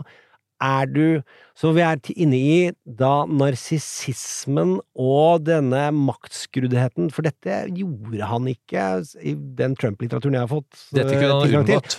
Veldig! Han, han drev, så dum kriminell var han ikke før han var president i fire år. Så nå er han jo da gått gjennom denne 70 %-delen av filmen, og makten er totalkorrumpert. Det finnes ikke lover som han trenger å bøye av for, og han leverer ikke tilbake. Det er så klokkereint at han er tatt for det, og det er, tatt, det er jo bevis på tape, det er jo videotape, det er vitner som har sett de har båret pappeskene fra AtB og CTE og DTF. Og det er løgn på løgn, og han har i tillegg da fått en anstendig advokat som det da har klart å bevise at should have fucking known at han løy, for det har ikke advokater lov til. Eh, å fremme videre kriminelle handlinger. Da ryker du så du synger. Så han trakk seg. Og det er fantastisk, apropos denne Du sa at det var en kriminalroman, den de eh, legger ut på Facebook. Det, her også er det kriminalroman, som følger da denne advokaten som jobber for Trump, og bare sier 'jeg skal reise ned og jeg skal rydde opp'. Er, skjønner du, eller? You will find yourself in an orange jumpsuit, kind of yelling advokat. Og klarer da å nesten havne i en oransje uh, Heter jumpsuit Hva heter den derre onepiece? det hadde vært mye morsommere. Er. Fangedrakt. Ja.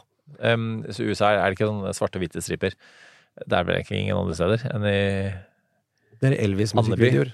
Og i Det var vel det i Kasper og Jesper, Jonathan? Jo, kanskje.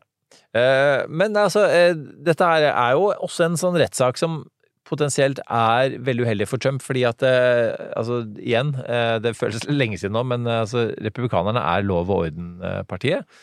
De eh, hemmeligheter, sånn atomhemmeligheter og sånn, det er sånn man skal passe godt på.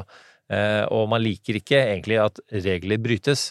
Man likte ikke i det republikanske partiet, og dette er jo på en måte så mange eh, igjen ble rystet til å begynne med eh, da denne saken kom, men også har det også støvet lagt seg, eh, og så har man sluttet eh, rekkene.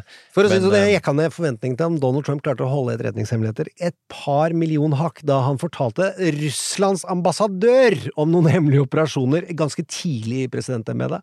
Eh, men dette er de har, altså Det er jo så mye classified documents i USA at det er latterlig, sånn som det er i Norge. Er, altså Staten underslår og ønsker ikke at papiret ligger og flyter, fordi det potensielt kan lage et problem. Det er altfor mye som hemmelighetsstemples i vårt land. Der borte, kokos bananas. Men skal du lese slike dokumenter, eh, så er det et graderingssystem, og du skal bare vippes eh, fra Å til A, så skal du kanskje bare opp på Ø før du skal lese det i en skiff, som er et akronym som eh, Du kan si det, du. Nei, husker ikke jeg heller. Nei, Altså, det er en secure facility. Det er et, Ja. Det skal jo da Du skal ha frisk, mobilen skal være borte. Det skal være et bevokta rom. Eh, Der inne så skal du lese papirene, og du skal legge tilbake papirene der du fant dem. ja, en skiff som ingen av oss husker navnet på. Det er, sånn, og det er også sånn klassisk sånn derre um, i, i eh, film, filmer og TV-drama hvor liksom sånn eh, en person som etterforsker en sak, må lure seg inn eh, i, på dette området her for å få tak i disse dokumentene. Eh, Slow Horses sesong tre. Jeg skulle til å si det! Jeg Er du i sesong tre, du òg? Ja, er du gæren? ja, er i. Det er jo ferdig med den. Nei, nei, nei, nei, Okay, Ok, okay. ok, ok. Men, men, men, men det, det, sant, det, Eller, eller Mission Impossible 2. For eksempel, han så- senkes ja. i en snor. Skal, Inn i en sånn skiff. Det er Ultimate Skiff. Ja. Fortsett. Eh, eh, eh, nei, altså eh, eh, Og så er jo greia også at eh, Trump har jo sagt at han kan deklassifisere bare ved å tenke tanken. Noe som jo Så han sier jo at, alt er eh, per def deklassifisert, men det stemmer jo heller ikke. For det kan han ikke. Eh, Det kan, han kan ikke på den måten. Det må være for, øh, formulert skriftlig. Så presidenten kan deklassifisere all informasjon som da ikke er unndratt de to andre statsmaktene. Eh, mener jeg. Så han har den myndigheten, men da har, er det jo prosedyrer.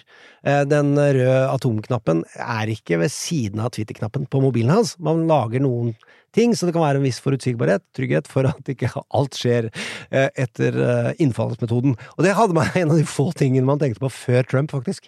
At innfallsmetodebeskyttelsesmekanismene er nødt til å implementeres i et prosessvennlig rekkefølge og hierarki.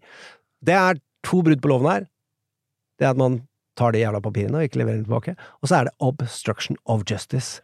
Og det er en favorittparagraf i virkeligheten. Er ikke så veldig filmatisk. Og er under på det nivået med at Capone ryker på skatt, så er det the cover-up. Når cover-upen bare er at du ikke vil.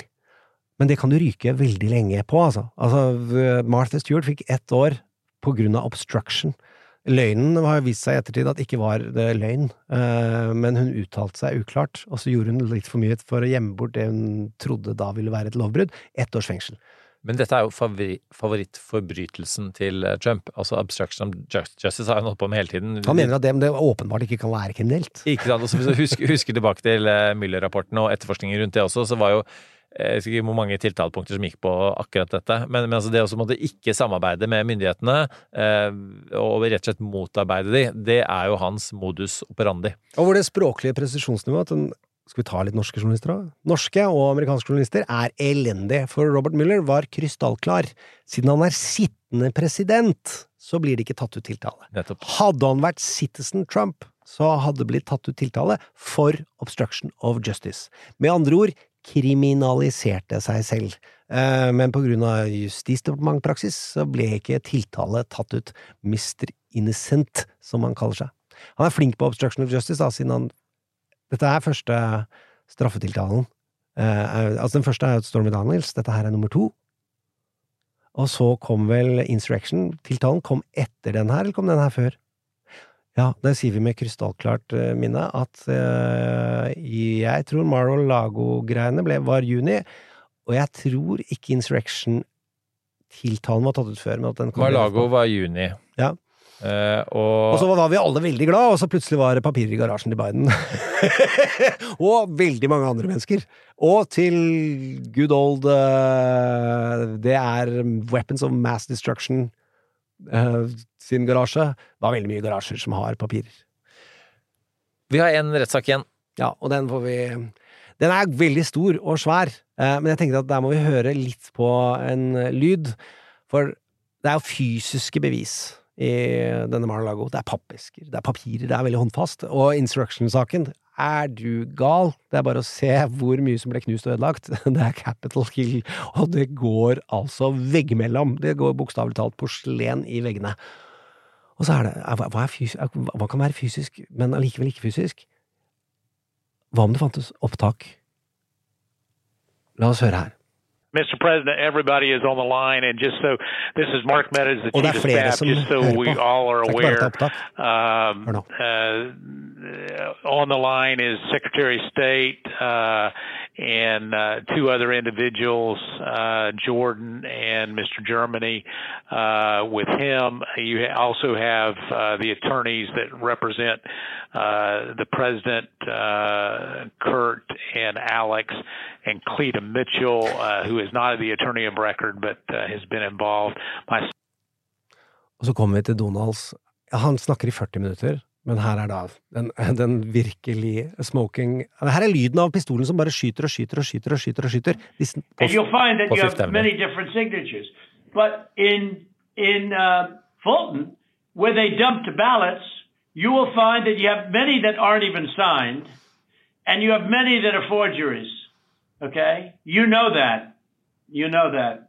You have no doubt about that, and you will find you will be at eleven thousand seven seventy nine within minutes because Fulton County is totally corrupt, and so is she totally corrupt. And they're going around playing you and laughing at you behind your back, Brad. Whether you know it or not, they're laughing at you. They're corrupt, and you're going to find that they are, which is totally illegal. It's it's. Om igjen og om igjen og om igjen. Og jeg har bare hørt medienes det utdraget, men nå hørte jeg jo hele samtalen. Det er jo 47 minutter med løgn om at du må være med og jukse i valget. Altså, det er han som personlig uttaler seg om det som Dominion-rettssaken. Fox News, si et stort tall, sånn cirka, er det ikke 750 millioner dollar det kosta dem? Eh, hvor skadelig det var for Dominions forretningssted. Klokkereint bevist at det der er vel vitende løgn, og det var noen og 30 forsøk på å stoppe opptelling i delstater hvor alle, masse republikanske dommere, sa er dere fette idioter, som det heter i Trøgstad. Eh, dette er tull, kom dere ut! Og han, det å bevise at Donald Trump var med på og ville endre opptellingen av demokratiet, det helt fundamentale ved demokratiet, at vi teller stemmene, og at den som sitter med makta, går av. De to tingene. Han, er, han bryter begge to. Han vil bryte begge uh, førstetrinna til at demokrati skal være. I Georgia, en favorittstat som jeg heller aldri har vært i, det er veldig mange av dem, eh, og som jeg tror jeg snakka med deg om, at jeg hadde tenkt å fly til eh, Atlanta og være der i november, men det regna bøtter og var da hurricane season, og vi nordmenn er tøffe i værpratet vårt, men orkan, der er jeg, det tenker jeg, det får andre land ta seg av. Georgia, hva er din følelse av En det her? Juridisk orkan, det er jo eh, og, og, og orkanens øye er jo denne altså disse 11 000 stemmene som han ønsker seg, eh, fra eh, Brad Raffensperger, som er da den valgansvarlige i staten. Det er det han vi hører stemmen til her til å begynne med. Altså, igjen eh, det er, Vi hører han si det. Det er, det er eh, tatt opp, det er dokumentert. Det, dette opptaket ligger på YouTube, for eksempel. Altså, altså og vi er, og vi er, vi er seks mennesker hos presidenten her, og du Ja. har disse advokatene på, i andre enden. Og hva har du lyst til å si, Donald? Og måten, måten han øver press på, da, og folk ler bak ryggen din, kom igjen, da. Det er jo sånn, det er jo skolegårddramaturgi. Eh, Det altså, vi må opp i Jers. Altså, Sopranos, gudfaren, dette er mafiataktikk. Altså, evnen til å true med konsekvenser uten å bryte en lov, har Donald Trump drevet mye med. Og Michael Cohen har liksom vært hovedsendebudet. Mm. Men hvis du bryter loven i den trusselen, og ber da han om å bryte loven, så er du da inne i den kriminelle kategorien som hun har tatt ut en tiltale om. Og da går hun rett og slett til mafiaparagrafer, eh, som heter da RICO, eh, og racketeering-paragrafene, som ble utvikla for å ta i tu med mafiaen. FBI skal ha for det. Også brytende fagbevegelsen. Også brytende fagbevegelsen. Fuck eh, FBI-sjef Hoover der. Det var Hoover det, ikke sant? Jo. J. Edgar. Eh, ikke, ba, ikke et rent rulleblad, for å si det forsiktig. Ring Martin Luther King sin kone hvis du lurer på hvordan jeg kan slenge dritt om det. Og les boka til Thomas Seltzer. Uansett, i Georgia, det er racketeering-lov. Det betyr at det er veldig kompleks jus. Det er veldig mange som er tatt ut tiltale om, fordi hun skal få lagt press på alle de som var på telefonen, som er nevnt, eh, og alle andre. At enten så Du vet ikke hvem som vitner mot deg. Ikke alle er Michael Cohen. Ikke alle har ljugd hundre ganger. Hvis det sitter et menneske der som sier du var med på det, så ryker du også inn. Og det betyr at hver jury, eh, altså det blir satt ned en jury, og hvert vitne og hvert tiltalt skal klareres. Særlig, nå mener jeg tiltalene, de skal klareres, og få velge, være med å forme jurymedlemmene. Så juryutvalgsprosessen alene tar halvårsvis når det er eh, ganske hardcore, litt sånn eh, Atlanta crime mob-greier, så har denne statsadvokaten, Fanny Willis, hatt stor suksess med å bruke den paragrafen. Nå gjør hun det som er en Rocky-film verdig jusmessig, hvis dette ender med at nok folk havner i fengsel, og Donald blir fra idømt ting. Jeg tror aldri han får soner på en anstalt uansett. Med Georgia som dommer, eh, så er det Rocky, for det er ingen som mente at en bystatsadvokat fra sørstatene med svart bakgrunn i en utrolig fantastisk spennende by, Atlanta, men det er ikke der man tenkte at uh, juridisk mest spisseskodde juristene i verden, som kan pirke i maktas øverste eh, topp, skal skje. Og nå er det drama allerede. Vi skal ikke gå i finjussen, men det er jo LA, det er jo LA Law og Al McBeal opp i mente. For det største problemet hennes, hva er det, Eirik? Ja, altså, nå tenker du på Office Romancen. Ja, ja, er altså ligge med en fyr på jobben. Som er, en fin, som er en konkret måte å si det på. Ja, hun Og det er jo heller ikke nødvendigvis uh, ikke lov. Nei, det er ikke heller ikke Det er dobbel negasjon. Ja, det er veldig vanskelig å forholde seg til. Det fins ikke ulovlig hvis ikke det er en pose. Jeg, er, jo veldig eh, eh, Da slår jeg veldig tydelig fast at det er lov. Ja, der er jeg enig.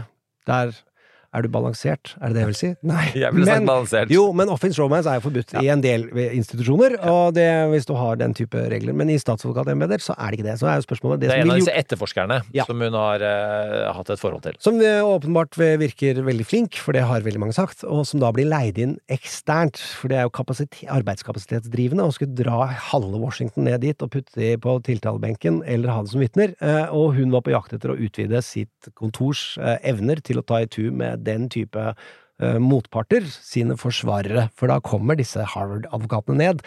Eh, alle som har litt spenn, eh, sørger for å komme med de drøyeste advokatene du har. Og Wade, som hun da spør om råd til, Wade, Wade, Wade, hvem, jeg, hvem kan jeg hente? Han prøver å hjelpe til. Du kan prøve med han, prøve med han, prøve med Hva med du, da? Ja, men jeg har ikke lyst til å anbefale meg selv. Altså, der, der, der. Ja, og så fikk de ikke de, da. Eh, Og fordi at det er jævla stor politisk risiko. Det er tilbake til om alle sier at det handler om juss og noe som står i bøker. Det er ekstreme personkarrierer som enten går i vasken eller til himmels. Det er framtidige milliondollargasjer hvis du får til det du skal, som denne Bragg i New York. Hvis han får dømt Donald, så har han sikret eh, tolv generasjoner Bragsters utrolig mye mer penger. Og det samme gjelder i Atlanta òg. Det må man huske på. Og Wade han sier ok, ok, jeg gjør det. Og jeg mener jo, herregud, demokrati står på løpet. Han får ikke veldig mange plusspoeng eh, av meg og deg, men han tar jobben. Og så begynner de å jobbe sammen, og så begynner de å ligge sammen. Og det mener de å kunne bevise, mens motparten sier at de lå sammen før hun ansatte. Og da har hun brutt. Så kommer delay-taktikken, at office-romansen får praktiske og vonde konsekvenser og kan ødelegge hele hennes drøm og alt hun har bygd opp, nemlig at de ber om å få fjernet statsadvokaten, for vi kan ikke vite om det er helt sant. Tvilen må komme tiltalte til gode, som ikke gjelder i den type saker, i at du har 90 skyldkravet når man får utforme hvem som skal stå i rettssalen eller ikke. Uansett. Det har konsekvenser. Det- blir høring, eh, og det er, blir jo helvetes politikk. Det er jo ikke noe hemmelighet at det er ikke rent flertall for Det demokratiske partiet på delstatsnivå i Georgia. Så er det republikansk. Og det gjør at den saken eh, fortsetter å bli eh, utsatt. Jeg tror at den er Altså selv om den derre Rico Act, altså mafiaparagrafen, gjør at man La oss si man skal rane en bank, da. Eh, Så, også hvis du sitter utenfor, eh, og du, bare, du, du tror at du skal bare droppe av en kompis eh, som skal bare inn og bare gjøre et lite uttak i banken, og sette seg inn i bilen og kjøre av gårde igjen, eh, men som faktisk har ranet banken, så vil du også bli tiltalt etter en sånn paragraf, og, og da risikerer å, å bli dømt og tiltalt osv. Så, videre. så det er jo det, det grepet man gjør her nå, som gjør at, at man da bare ved å tiltale én av disse personene her, eller få, få dømt, så vil man også få dømt mannen bak, nemlig Donald Trump. Um, eh, så, så, så det, det Men det og, og så har man nå fått um, et par av disse her til uh, faktisk å um, eh, og Snu. til vitne, til å snu, ikke sant? Um, og uh, Jenna Ellis er jo en av de uh, prominente. Sidney Powell, sikkert mange som har fulgt. Uh, Kenneth Cheesebro, med merkeligste navnet av alle i alle disse rettssakene. Cheesebro er noe av det drøyeste mennesket som har vært involvert i dette kuppforsøket. Han har nå snudd. Det er mannen som designa for Donald Trump månedsvis før valget ble tapt. Hvordan de skulle angrepe eh, stemmeopptellingen og valgmannopptellingen for hver delstat.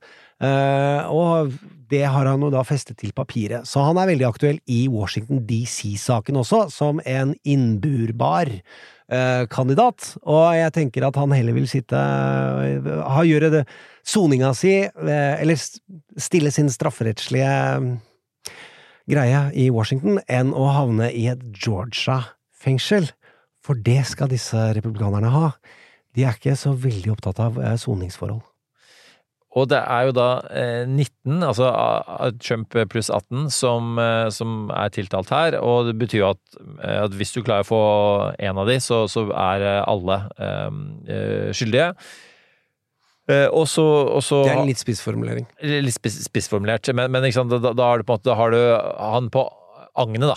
Eh, For å si det ja, sånn. det, hvis du får Eh, en til vitne om, og kan bevise at han var med, med på konspirasjonen, og det er beviselig og dokumenterbart at det var en konspirasjon, altså det er ordlagt slik Ja. at det kan gjenfortelles i retten, og la oss si telefontape, admissible in court. Altså det, det fungerer fint som konspirasjon. Og så er bare hvor mange skal gå ned. Så de har allerede det man pleier å leite etter. Hvor er papiret, hvor er papiret, hvor Her fikk man telefonen dagen etter. Fordi det er jo lekket av det republikanske partiet. Det er Brad som lekker. Det er uh, Brad selv som, som lekker, og, og for, fordi du, du altså dette, Og dette er jo ikke bare han Film av Erik, Bergsen. Brad selv lekker. det, det, er, det er ikke bare han, men det er jo på en måte så mange andre i, i stat etter stat, republikanere, som har stått imot dette her. Altså Dette er jo noe han har forsøkt i mange mange stater. Og det, man kunne hatt lignende type rettssaker i andre stater, men den her er såpass tydelig, da. Der har du på en måte den derre Vi har ikke telefontapen ja, fra ikke? Donald. Eh, Det er det, er ingen andre som tok opp. Eh, Donald ringte rundt. Ja, du hører Det er veldig interessant å høre, for han sitter jo da Det er en flip whiteboard foran den, og der er det noen som peker. Du kan nevne det ljug. Altså, du kan prøve deg på den og prøve deg på den. Og han går igjennom utrolig mange måter hvor eh, Brad bør jukse. At han behøver Du bør ikke engang vise til noe, du kan bare ta altså alt jeg trenger, all I need, og så er det det tallet. Uh, Georgia vil vi jo når man sier at rettssaken ikke blir avgjort før valget, det er jo helt sant, men det vil fungere kommunikativt. Det- som et uvær før valget, og så er jo spørsmålet om Donald klarer å utnytte det til pluss, eh, eller om eh, demokratene fortsetter da det løkeriet de har gjort fram til nå, demokratikritikk, da tar vi pling på glasset. Jeg driver med en god del av det, altså.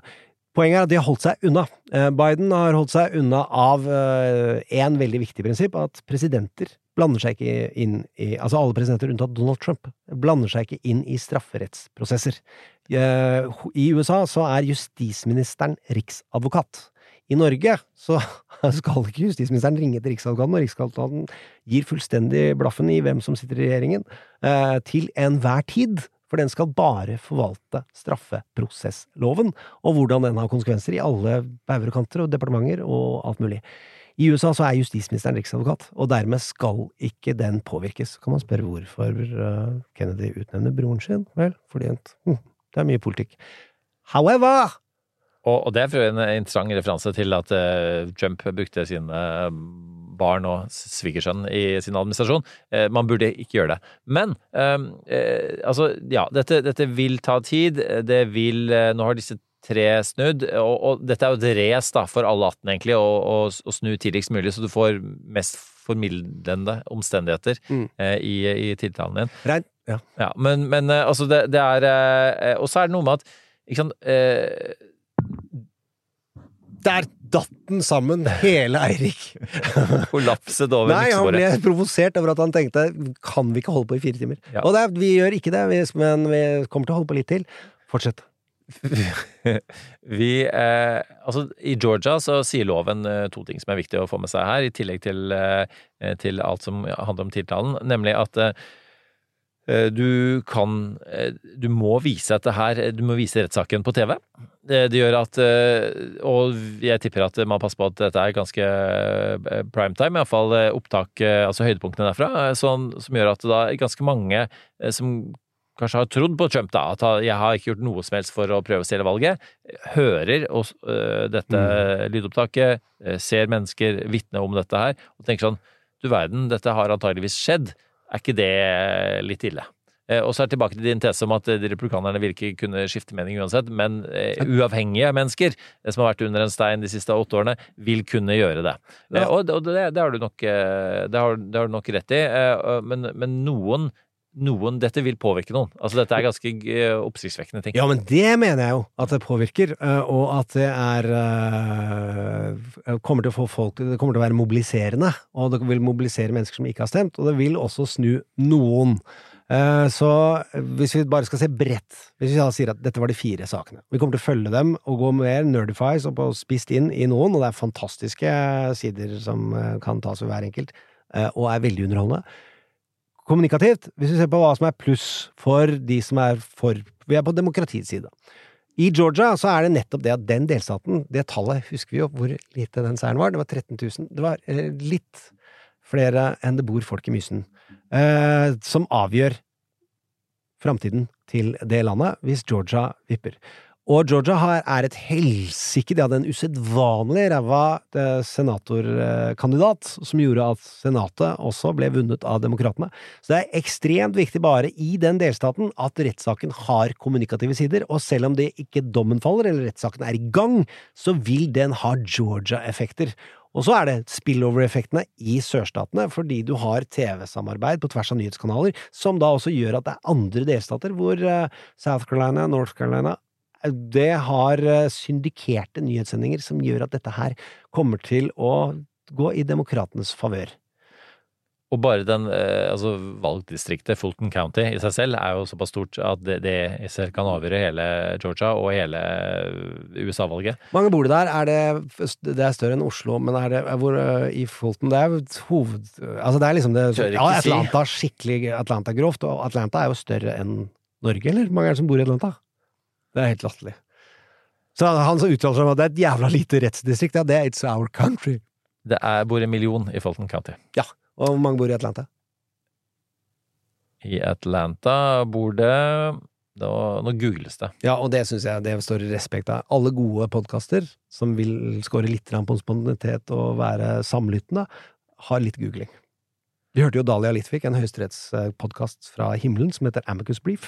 Googlet live, da ble jeg litt sjokkert, for hun, hun pleier å ha notatene i orden. Det, det, er en, det er en halv million, så det betyr at liksom Fulton altså Atlanta er Ja, er Fulton jeg. Atlanta er bare en halv million, det er Oslo-størrelse. Ja, ja, dit burde jeg reist. Og de har sin egen eh, TV-kanal, uh, CNN. Ja, det kan man Det burde. Oslo også hatt. Og en- En verdensomspennende Og så har de, vi har jo Grans Cola i. Indre Østfold, som vi føler i hvert fall ble funnet opp i Indre Østfold. i Askim i bryggeri. og det, jeg tenker at Grans kommer derfra. Hva heter brusen som kommer fra Atlanta? Coca-Cola. Den er jo fra Atlanta. Jeg vil si at det Der slo de Atlanta. Indre Østfold 1-0. Det skal de ha. Andre kommunikative effekter. Ja. Narrativet.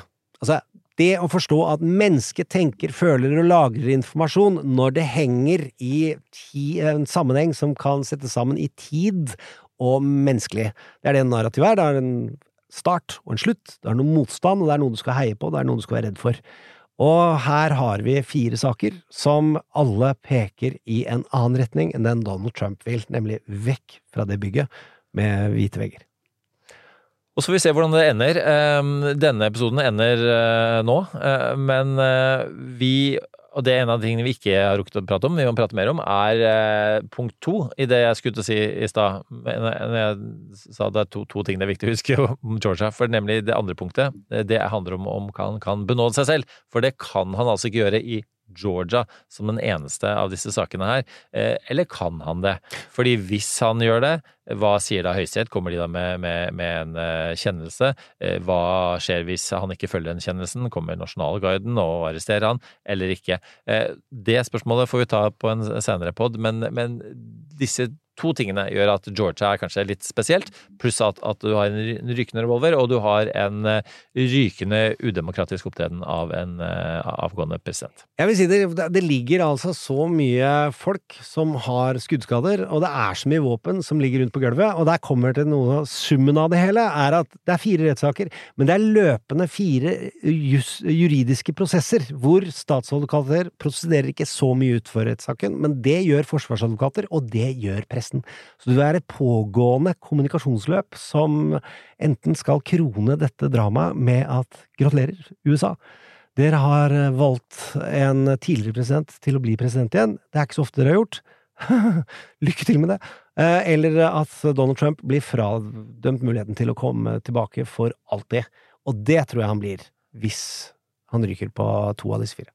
Og hvis han ryker på de, så har eh, USA som rettsstat og demokrati faktisk vunnet fram. Da har checks and balances fungert. Og bare det at man skulle kunne tiltale en tidligere president i fire rettssaker eh, Dette er kun da Det er første gangen straffesakene, han, president har blitt tiltalt. Første gangen, altså bare så alle skjønner hvor drøyt det er. Ikke sant? Det er utrolig drøyt i seg selv. eh, Og det altså tenke seg til hvor vanskelig det har vært f.eks. i Norge å, å, å tiltale en, en tidligere statsminister. Jeg tror jeg faktisk hadde vært litt kinkig. Jeg tror den statsadvokaten som hadde tenkt at den saken her skal jeg eh, ta av gårde og løpe med.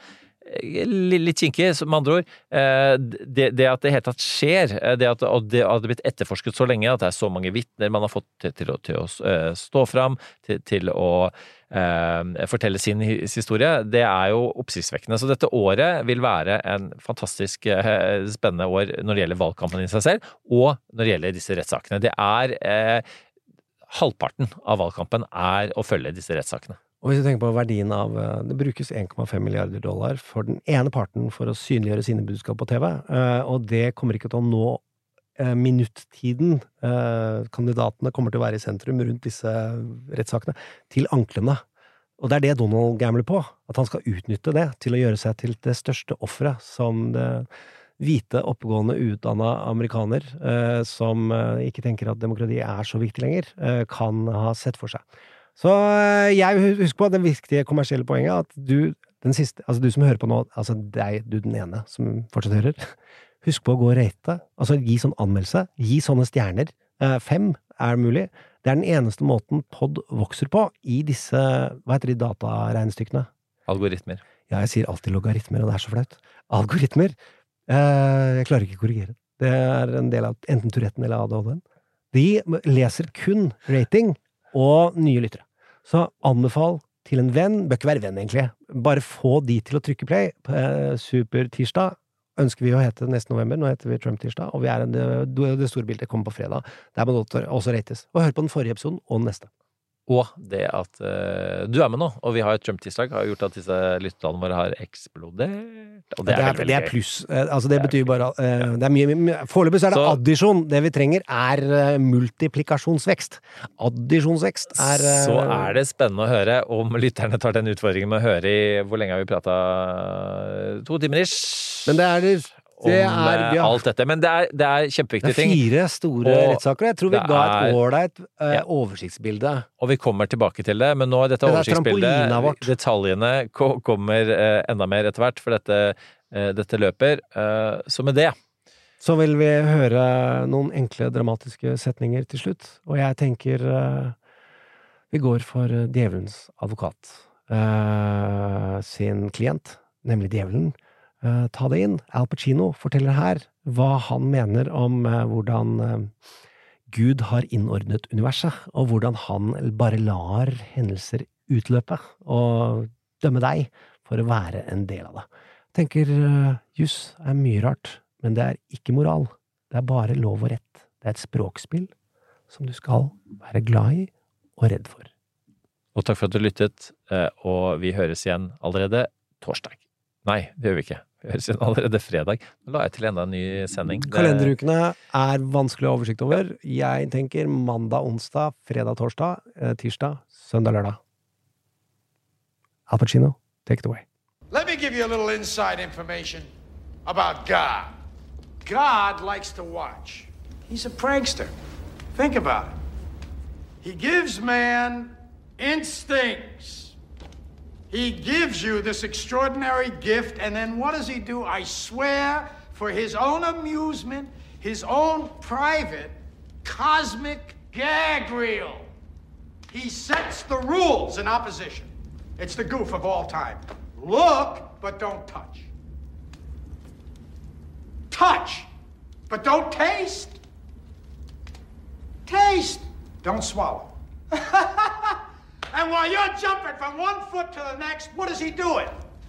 He's laughing his sick fucking ass off. He's a tight ass. He's a sadist. He's an absentee landlord. Worship that? Never. Better to reign in hell than serve in heaven, is that it? Why not? I'm here on the ground with my nose in it since the whole thing began. I've nurtured every sensation man has been inspired to have. I cared about what he wanted, and I never judged him. Why? Because I never rejected him, in spite of all his imperfections. I'm a fan of man. I'm a humanist. Maybe the last humanist. Who, in their right mind, Kevin, could possibly deny the 20th century was entirely mine? All of it, Kevin! All of it. Mine. I'm peaking, Kevin. It's my time now. That's enough. Put down the mic. Du har hørt en podkast fra Podplay. En enklere måte å høre podkast på. Last ned appen Podplay, eller se podplay.no.